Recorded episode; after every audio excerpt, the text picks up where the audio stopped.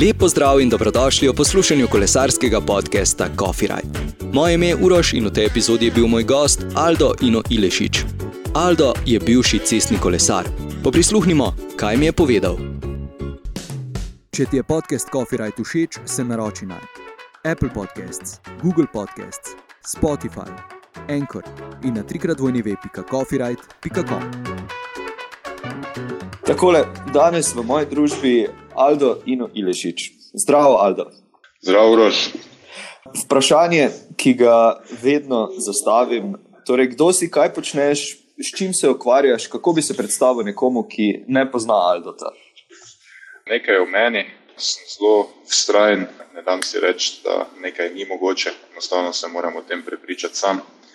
In uh, najraje se učim iz izkušenj, torej learning by doing. Nisem velik teoretik, ampak uh, se učim dejansko samo iz praktičnih izkušenj, ki sem si jih skozi svojo, svojo kariero nabral. Super. Piješ kavo, kakšno rad piješ, če jo sploh? Vsekakor. Kolesari smo znani kofetkarji, tako da kava je vsekakor del mojega življenja.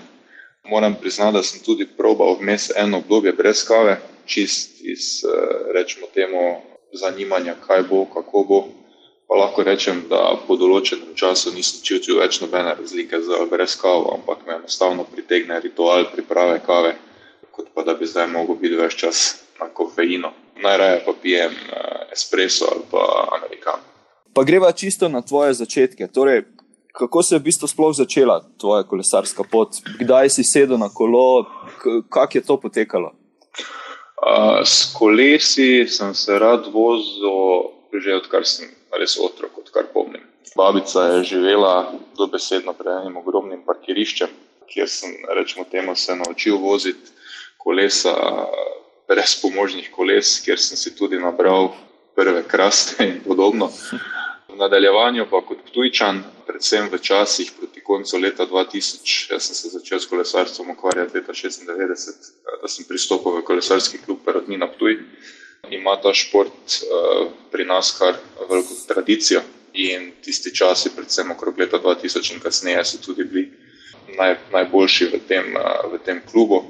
In po prestopu, enostavno, glede na mojo zagriženost, stekla ena normalna pot, ko začneš eh, nizati uspehe, vrstijo se treningi, eh, dobiš, rečemo temu, neko samozavest, poglobiš se v šport. Enostavno sem zelo hitro prepoznal, da se želim s tem ukvarjati eh, profesionalno. In že mislim, da pri 16-17 letih temu primerno nastopil in tudi podredil celotno, celotno življenje kolesarstva. Kar se je potem nadaljevalo tudi, v, ko je prišel čas za izbiro študija. Sem po treh mesecih začetka študija enostavno ugotovil, da takrat v Sloveniji ni bilo možnosti, da bi se lahko res redno ukvarjal s študijem in bil poklicni kolesar. Tako da sem študijo opustil in se pač podal kolesarske vode 100%. Do leta 2008 sem bil v Sloveniji, zadnjo leto pri Savi Kran.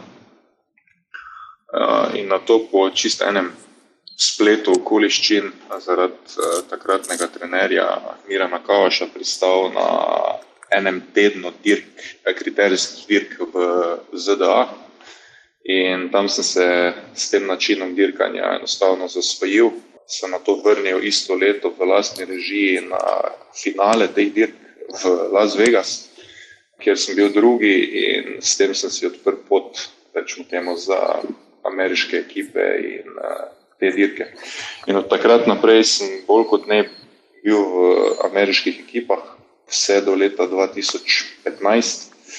Vse skupaj me je pripeljalo ponovno v cestno kolesarstvo, ker ekipe, v katerih sem bil, Team Type 1, Sanofi in kasneje United Healthcare, so me kot evropejca tretirali, ok, ti boš pač dirkal te klasične cestne dirke v Evropi, kriterijski program pa so na eni strani opustili, na drugi strani pa me še le kasneje oziroma proti koncu njega sto odstotno vključili. Uh, tako da sem malo nihal sem in tja, ampak uh, moram reči, če eno rdečo nit potegnem skozi celotno kariero, če ne bi bilo kriterijev, sigurno ne bi vztrajal uh, tako dolgo. Um, najvišji nivo dirkanja, do katerega sem prišel, to bo verjetno tistim, ki se malo bolj na kolesarstvu nekaj poznajo, je bil prokontinentalni nivo. Tu sem bil štiri leta. Ampak zdaj, tako ko gledam nazaj, vse je bilo fajn, izkušnja pa vse, ampak to nisem bil jaz. In uh, hvala Bogu se je specialized spomnil na mene iz kriterijskih časov, ko so začeli z uh, kriteriji, z fiksi, uh, me povabili v ekipo, tako da smo bila s Kolinom Stricklandom prva dva, ki sta za specialized nastopala v fiksih in mislim, da kar, kar dobro, dve leti skupaj. Potem pa sem tudi jaz počasi prekinil svojo kariero in šel poslovno pot. Da se vrnemo nazaj na začetek tvojega odgovora, pa malenkost narediva ovinek. Torej, na Ptuju je tradicija kolesarstva, pa tudi ena druga tradicija. Zdaj, če se spomnim, smo bila zmenjena že nekaj časa nazaj, pa je takrat prišel pustni čas, kurentovanje. Je tudi ja. to zapisano v tvoj DNK? Ja, vsekakor. Korant, kot se pravilno izgovori, sem bil že mislim, da bil star 10-11 let. In ko sem se začel aktivno baviti s kolesarstvom, sem to tradicijo malo opustil, ampak jo ponovno uživel pred štirimi leti. Tako da vam tujo za tiste, ki ne vejo, ko je čas korentovanja, korentovanja in uh, pustni čas, se pri nas enostavno čas ustavi, delo odložiš uh, in vse, skrbi, ki so z njim povezane. Nišče v našem okolju ti ne zameri, če si manj odziven ali pa nekih stvari, stvari ne narediš. Ko nadaneš eh, korantovo masko, enostavno postaneš druga oseba. To tisti, ki tega niso storili, mogoče malo težko razumejo. Eh, meni je to popolnoma jasno in uh, mislim, da tega da ne bom dal stran. Uh, sem tudi aktiven v našem društvu, s katerim nastopamo po razno raznih dogodkih po celem svetu, tako da je tudi to del mene. Odlično, odlično. Ponašaš se z eno titulo, torej, torej si najmlajši zmagovalec etape na dirki po Sloveniji. Kako je v bistvu to, pot Kako je v bistvu to potekalo? To so bili časi, ko so bili na štartu in podcato in kančelara in podobne. Jaz sem imel pa vsekakor status enega underdoga, s katerim nišče ni pričakoval, ker je tudi bila moja prva dirka po Sloveniji. Takrat je Perotnina tu imela še ekipo do 23 let, katere član sem bil tudi jaz. Profesionalni del je bil pa ločen. In prav spomnim se tistega leta. Prvo etapo sem imel dokaj veliko krizo in sem že rečemo, na, na pol poti na enem hribu zaostajal za glavnino, ampak se nekako prebil nazaj in ravno tista borba uh, mi je potem odprla, kaj jaz vem, eno moč, eno energijo, ki sem jo imel v sebi, pa morda za njo nisem vedel, za vse naslednje etape. Pol mislim, da sem drugi dan bil okrog petega ali šestega mesta, ki je bil cilj v Beltincih. Tretji dan pa je bila etapa Lenart Ljubljana. Če sem čisto odkrit, nisem štartal etape z nobenimi posebnimi cilji, važno mi je bilo, da pridem v glavnini, v sprintu, ker se je to pač, pač bilo pričakovano za tisto etapo. Počutil sem se dobro, glede na prejšnji dan, glede na sprint v Beltincih. Bolj pa se prav živo spomnim, da je se začelo, so se začeli napadi pobegov, ki je tam za slovensko bistrico proti slovenskim konicam.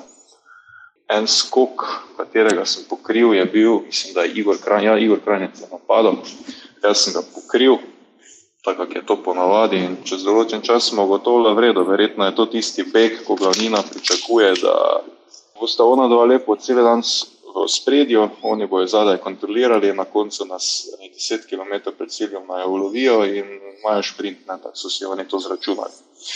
In uh, jaz mislim, da so se malo preveč uh, ležerno tega lotili in smo imeli v špici, mislim, da čez 15 minut prednosti.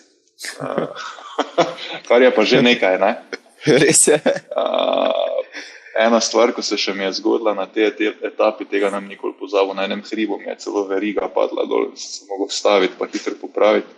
To se še lahko zdaj enkrat Igor zahvalim, da me je počakal. Potem pa, ko smo bila nekje v okolici Kamnika, je bila prednost še vedno toliko visoka, da sem rekel, ok, to pa bi dejansko lahko bilo nekaj danes. In sem tudi začel z, rečemo, temu malo taktičnimi igricami. Odkrito povedano, sem se delal, da mi je dosti težje, kot mi je v bistvu bilo. Igora sem malo tudi prisilil v to, da je malo več uh, bil v spredju kot jaz. In uh, kljub temu, da sem bil prvo leto član, sem si hitro zračunal v glavi, da Igor ima dejansko možnosti, ker je bil v generalnem seštevku pred mano, da dobi rumeno majico. Jaz sem pri sebi rekel, vredo. Če on dobi rumeno majico, potem bom jaz zmagal etapo. Uh, nisem se s tem potem uh, z njim nič pogovarjal, ampak to je bilo pri meni ena tista, rečemo, notranja, notranje zadovoljstvo, ko sem si rekel, ok, jaz bom taktiziral zaradi tega, ker če on hoče majico naj vleče, jaz pa bom na koncu svojo naredil in tako je tudi bilo. Ko smo zavila na zadnjo ravnino proti parlamentu, sem samo dal glavo dol, šprintal in zelo hitro opazil, da, da bo to zmaga in to, kar je ena velika pred parlamentom. Uh, mislim, da ni bilo več potem cilja etape uh, na dirki po Sloveniji, tako da je kar en poseben spomin. Če pa pogledam nazaj uh, slike od sebe, sploh na podelitvi, uh, se res vidi, da sem še mlečen. Ampak ja, zanimivi, uh, zanimivi spomini. No. Odlično. Torej, ja, rekel si v začetku cestni kolesar, kasneje si preklopil torej na, na kriterije, na dirko s fiksi. Kaj je v bistvu recimo, kriterij za tiste, ki, ki discipline ne poznajo? Ja, uh, jaz za mene je pač uh, adrenalina, je dosti več. Ogromno je seveda uvinkov, polaganja uvinkov, dosti več je prerivanja. Veliko kriterijev se odvija zvečer, tako da pri, pri, pri, ko dirkaš pod reflektorji, še dodaja, še vse skupaj dobi en poseben čar na kratkih krogih, ki so dolgi tam maksimalno do 2 km, se tudi nabere večja gmota ljudi in imaš enostavno tisti občutek enega stadionskega dogajanja. In uh, to so pač bili, rečemo, dejavniki, ki so vplivali na mene, na mojo motivacijo dirkanja, na moj način dirkanja, na moje razumevanje dirkanja. Ne. Lahko pa povem tudi to, da prvi kriterij, ko sem ga nastopil v ZDA, sem ga tudi suvereno odstopil. ker enostavno nisem razumel načinov in taktik in pozicioniranja dirkanja. In bolj kot sem vrtel pedala po ravnih delih, eh, več sem časa zgubljal. V ovinkih ni mi bilo jasno, kako lahko nekdo toliko bolj goni, da je toliko hitrejši, ampak sem potem zelo hitro ugotovil, da ni, da ni bila rešitev v tem, da bi še veliko mislim, močneje potiskal pedala, ampak dejansko v razumevanje proge, v pozicioniranju, v polaganju ovinkov, v izhodnih hitrostih ovinkov. Glavnem, to so vse stvari, ko moš ne nehno razmišljati na kolesu, da imaš na koncu res tisto prednost, ker v kriteriju, tako kot na ostalih dirkah, želiš čim več hitrosti prenesti skozi ovinek, brez da pri tem ne koristiš energijo, ki ti potem služi v, v zaključkih dirke. To je ena stvar, ki je mene res prevzela do, do popolnoma in se pravi, to so res svetli spomini. In škoda, da se ni, da se ni ta kriterijska scena bolj razvijala. Več čas je bilo na robu, bojo v živo televizijski prenosi, ne bojo, potem so bili eni zametki, v glavnem nikoli se ni razvila tista res redna televizija v živo teh dirk in enostavno šport ni mogel prestopiti tistega praga res visoke popularnosti in seveda sredstva, da se lahko to vse skupaj odvija. In uh, po štirih, petih, šestih letih tega sem tudi jaz imel potem čez čas rečemo dovolj, ker sem vedel, kje so moje zmogljivosti. Ne? Ena stvar, da še jo dodam, uh, jaz sem visok 193 cm, imam 90 kg. Če sem se res fejs potrudil, sem jih imel tam 84, 85, za enem obdobju celo 80, ampak to enostavno nisem bil jaz. Ne, in sem se enostavno sprijaznil s tem, da jaz sem kolesar, ko mora imeti, ne vem, da se dobro počuti, vsaj 87, 88 kg. In uh, lahko obračamo formule in matematiko, in ne vem kaj vse, ampak na koncu koncev ne vem, koliko vatov meni ne bo pomagalo, da bom složno kolesaro čez hribe in podobno. Ne? Že zaradi tega je tudi meni ta način dirkanja dosti bolj odgovarjal. Uh, ampak vseeno si nisem dal reči, da, da ne bi bilo nekaj za mene. Zato je to še bil še en razlog več, zakaj me je toliko potegnilo v, v to dirkanje, ker enostavno nisem bil uh, hendikepiran iz, iz, iz tega vidika. Ne. Ker če me nekdo pogleda kot kolesarja, pa tudi če gremo gledati moje vrednosti, iztestiran pri dr. Miliču na fakulteti za šport, a, mislim, da bi mi, če bi me v začetku on spoznal, pa stestiral, bi mi rekel, fant, treba se ti s kakim drugim športom ukvarjati, ker, ker, ker to ni za tebe. Ne? Ampak, ko enkrat, ko enkrat imaš res nekaj rad, a, ko uživaš v tem, kar delaš, greš glavo skozi zid. Ne? Jaz mislim, da je za športnike bolj pomembna tista strast, kot pa da imaš uh, vse neke predispozicije. Dobro pa je, da ti nekdo razloži, da tu so neke meje, tu so statistike, ki ti povejo, kar je minimalno potrebno, da se lahko s tem ukvarjaš na tem nivoju. Ne? Če zdaj primerjamo Grand Tour, pa etape v Pirinejih, pa v Alpah in podobne dirke. Uh, pač moš potem na nek način sprijazniti, kako bi temu rekel. V začetku odgovora si v bistvu lepo povedal, pa spomnim se, ko smo se spoznala, eh, si takrat razlagal tudi, pa, pa mi je bil zelo zanimiv odgovor. Torej, v bistvu, kako sploh treniraš za dirke kriterijev? Uh, vem, da si takrat imel eno, eno zanimivo anegdoto, kako ste trenirali. Zdaj, upam, no, da se spomniš. Ne, daj me ti malo spomni, pa jo bom uh, z, z veseljem uh, podkrepil. Okay. Ja. Uh, na dirkališču z op, motoristično opremo. Tako, to je, bil zadnjo, to je bila še potem zadnja faza, ko sem bil v kriterijskih dirkanjih z. Uh, se bom k temu vrnil, kaj točno sem hotel s tem povedati. Ampak ja, skozi vsa ta leta mi lahko poslušalci verjamejo, da sem probal marsikaj od treningov do intervalov, takšnih in onakih, in uh, res in vati in puls. Ampak po določenem času sem se s tem ustavil. Razlog pa je preprost, zaradi tega, ker ti dirke, kriterijske, tako kot si jaz poznam iz ZDA, je ne moreš enostavno kontrolirati. Razen da se odločiš, da boš solo v begu, pa še to ti ne uspe, ker so hitrosti tako visoke, da v štartu da enostavno nimaš šans. Razen če je res proga toliko težka, da je znotraj kakih hrib ali kaj, da se skupina selekcionira, dokler pa je kriterij ravninski, se odcepi k večjemu, kakšna večja skupina, desetih, petnajstih kilesarov, pa še to je bolj taktična posledica, kot pa res prevlade moči nekoga. Um, kaj želim s tem povedati? Potrebno je simulirati scenarije dirke, ne toliko se fokusirati na intervale, ki bodo trajali minuto, dve, tri. Jaz sem se zelo hitro odločil, da moj edini efektivni trening je za motorje. In vse ostalo, kar sem delal, je bila v bistvu vožnja s kolesom, dve do tri ure, uh, potem pa pol ure ali pa 45 minut za motorjem, ker je oseba, ki je vozila motor oziroma skuter, Eh, narekovala tempo. Torej, če se je oseba odločila iti hitreje po nekem ovinku ali hitreje čez nadvoz, jaz to popolnoma prepustil vozniku motorja, ker to je bil ravno tista simulacija napora, ki ga jaz ne morem predvideti. Ne.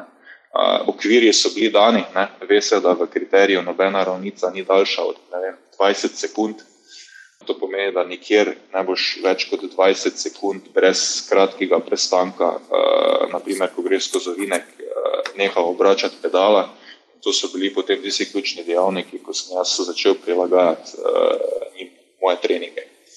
Zdaj pa bom malo preskočil, ko si rekel, motoristična oprema. Fiksi oziroma pistaši, tisti, ki se poznajo na kolesarstvu, vedo, da to pomeni direktni prenos. To pomeni, kako se vrti kolo, tako se vrtijo pedala. Enostavno ne moreš nehati goriti. In prva stvar, ko te malo rečemo temu, strezni ekosistem na cesti, pa brez zavor, dejansko fizičnih v rokah. Si rečeš, ok, kako bom zdaj jaz zaviral. Seveda lahko delaš to samo z nogami, drugače ne gre.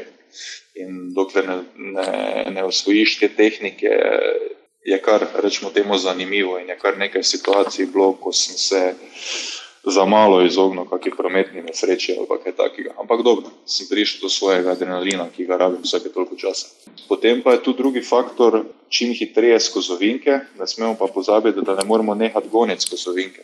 zato smo tudi imeli krajše gonilke, dvignjen, dvignjeno središče gonilnega ležaja, tako si ti začel vinke polagati, da nisi z pedalom udarjal tla. Ko sem pa jaz v enem trenutku rekel, da se pač meni zdi, da se še jaz vedno ne dovolj nagnem v vine.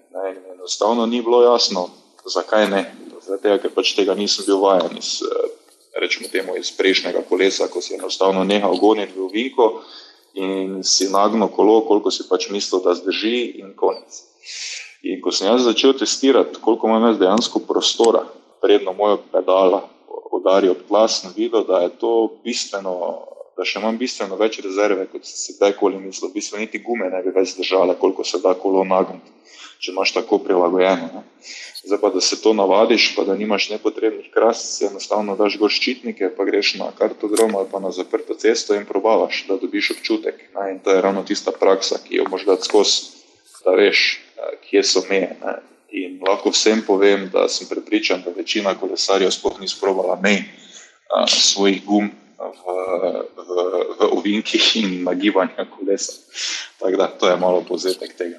Super. Sam si tudi že malenkost kraste in vse to omenil. So bile mm -hmm. kakšne poškodbe? Uh, moram kar potrkati. V celotni karieri sem imel, mislim, da dva zloma, pa še to zelo mala. Uh, enkrat eno koščico v zapestju, pa mezinec na desni roki. Pa še takrat, ko sem se mezinec zlomil, sem drugič v karieri zmagal potem na kriterijih Šenčurja, tako da je bilo kar zanimivo. Pol pa še bil naslednji dan kriterij v, po ulicah Kranja in bilo časa za zdravnike in podobno, in sem kar palčko od lučke uporabil, pa sem se lepo prsti mobiliziral, da sem lahko še po drugi dan dirkal. Malenkost si že enako omenil prej. Torej, je še kakšna posebna izbira opreme pri kolesu ali pa mogoče pri kolesarju, uh, ko pripravljaš svoje kolo na kriterije? Ja, uh, jaz sem ugotovil, da mi dosti bolj odgovarja, če sem več čas na sedežu, torej brez vstajanja, tudi pri sprintanju. Uh, to sem se naučil v zadnjem času, ko sem še dirkal z uh, fiksi. Ker če pomislimo, ko pri, pridemo iz ovinka in se vstanemo iz sedeža, in potem spet sedemo nazaj, izgubimo nekaj trenutkov časa, predno dejansko začnemo pospeševati.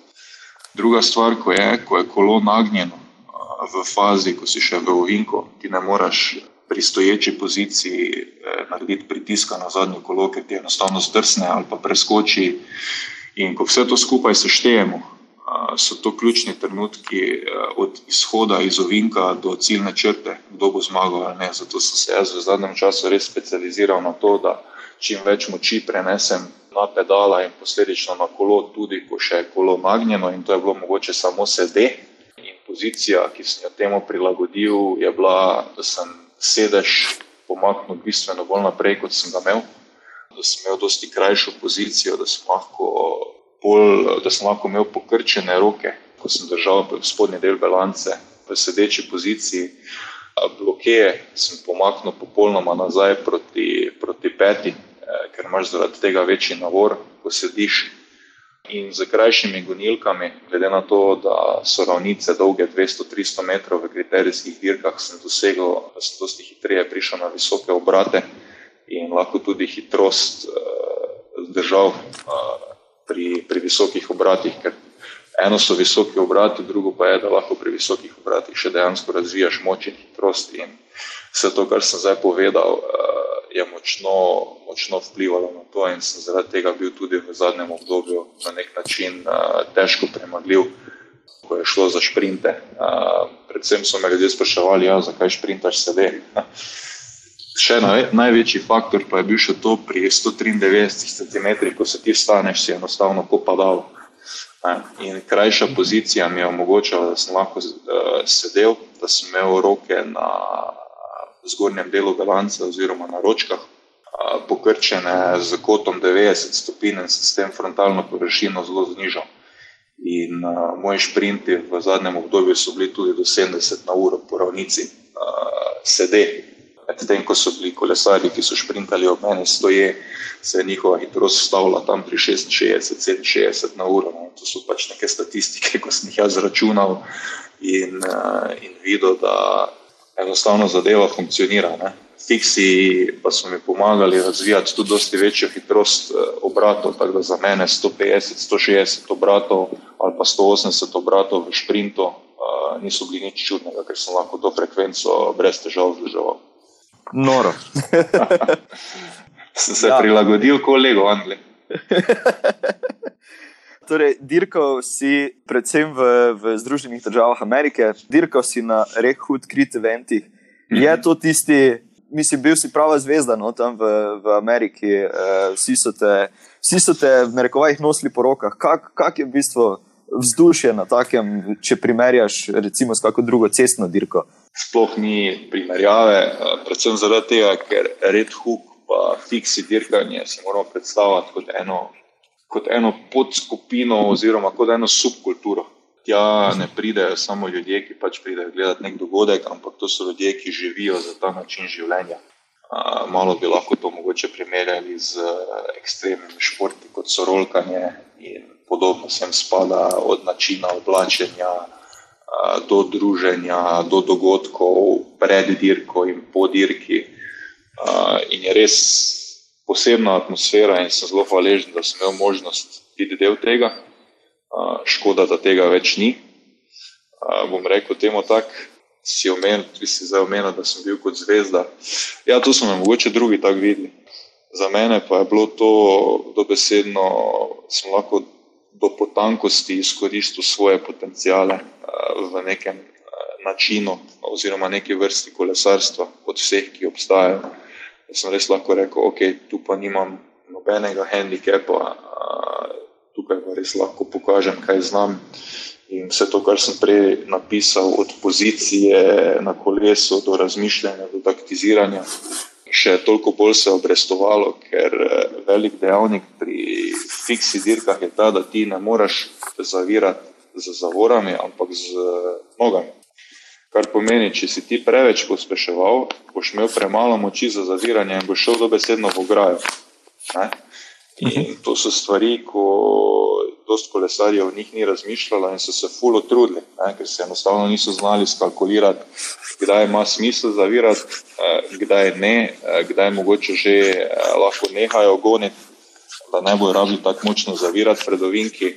Tudi pozicioniranje je čisto drugačno, več čas moraš biti v spredju ker ne moreš poziciji pripravljati, pa v zadnjem trenutku zavirati, pa se potem vriniti v, v, v pozicije bolj spredaj v, v grupi oziroma v skupini.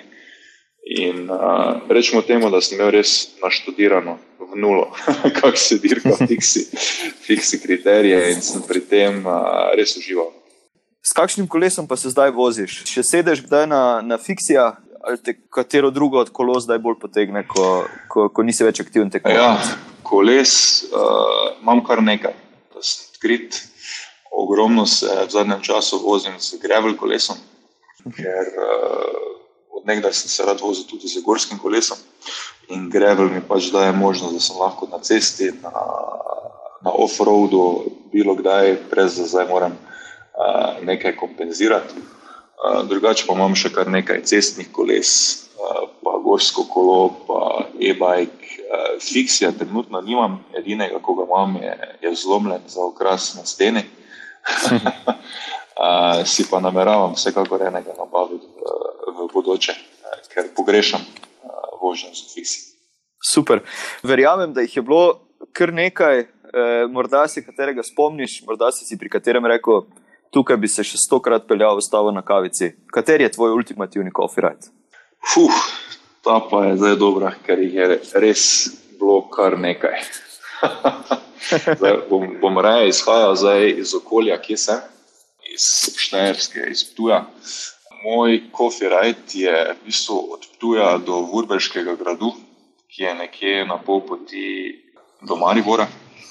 Uh, skoraj v celoti se lahko uh, voziš po, po šodru uh, ali pa čez gozdove, lahko greš tudi po cesti uh, in imaš, rečemo, temu 45 minut v eno smer, potem pa se sedeš uh, na, na vrhu obzidja oziroma na vrhu amfiteatra in imaš razgled na celotno Dravsko, Dravsko dolino z Pohorjem, Bočom, Donačko goro, če je zelo jasno, se vidijo tudi Kamniško-Savinske Alpe. Potem tam posrkaš kavico in greš nazaj. Vrhunsko, mislim, tu, tu se še lahko kdaj vmes srečava. Ja, vsekakor. vsekakor. Uh, ja, tako, prišla smo do konca. Morda še kakšna sklepna misel za poslušalce? Uf, mm, ta pa je zdaj dobra, da malo, da malo razmislim, kaj bi lahko dal poslušalcem. Um, jaz bom rekel, kolesarjenje mora biti uživanje uh, svojega prostega časa. Uh, videl sem kar nekaj eh, rekreativnih kolesarjev, ki gledajo v računalnik pred seboj, uh, opazujejo vate, impulze in ne vem kaj vse. To je fajn, da analiziraš potem, ko priješ domov, mogoče pred računalnikom, ampak ko so pa zunaj, pa ne dejansko uh, gledajo pred sebe, uživajo v tem, kaj delajo, ker vem vsi, da nam zmanjkuje, počasi zmanjkuje časa za, uh, za uživanje prostega časa. Tako da, če se že izberejo kaloge, naj tudi izkoristijo v polni meri. Super. Aldo, hvala ti, da si si vzel čas, lepo te je bilo slišati. No? Hvala za klic, oziroma za ja. možnost. Ja. Vedno. lepo vodi. Enako, čau. Aldo, tu še enkrat najlepša hvala, da si vzel čas za pogovor. Preden zaključim, javil se je tudi Lauro Žibrna. Pa prisluhnimo, s čim se on ukvarja v teh časih. Sem Lauro Žibrna, trenutno delam od doma, pripravljam študijska gradiva za študente preko spletne učilnice in tudi PUK izvajamo preko videokonferenc. Zaradi preventivnih ukrepov kolesarskih dirk ni, zato ne potujem. Upam in si močno želim, da bomo konec avgusta in septembra lahko v Franciji na osrednjem kolesarskem dogodku. Sedaj je torej čas za virtualne platforme v vseh pogledih, tudi za virtualno kolesarstvo. Poleg uh, standarda Zwifta testiram še ostale kolesarske platforme. Zaenkrat sem preizkusil še Ruvi, Be Cool, Road Grand Tours in Kinomap. Ne pozabi pa tudi postaviti svojega vprašanja. In sicer odklikaj na trikratvojnive.coffeeright.com pošiljnica vprašaj, kjer lahko postaviš svoje vprašanje, na katerega bo predvsem Simon Cirnski iz Pulse Performance odgovoril v enem izmed naslednjih podcastov. Mi se ponovno slišimo prihodnji petek.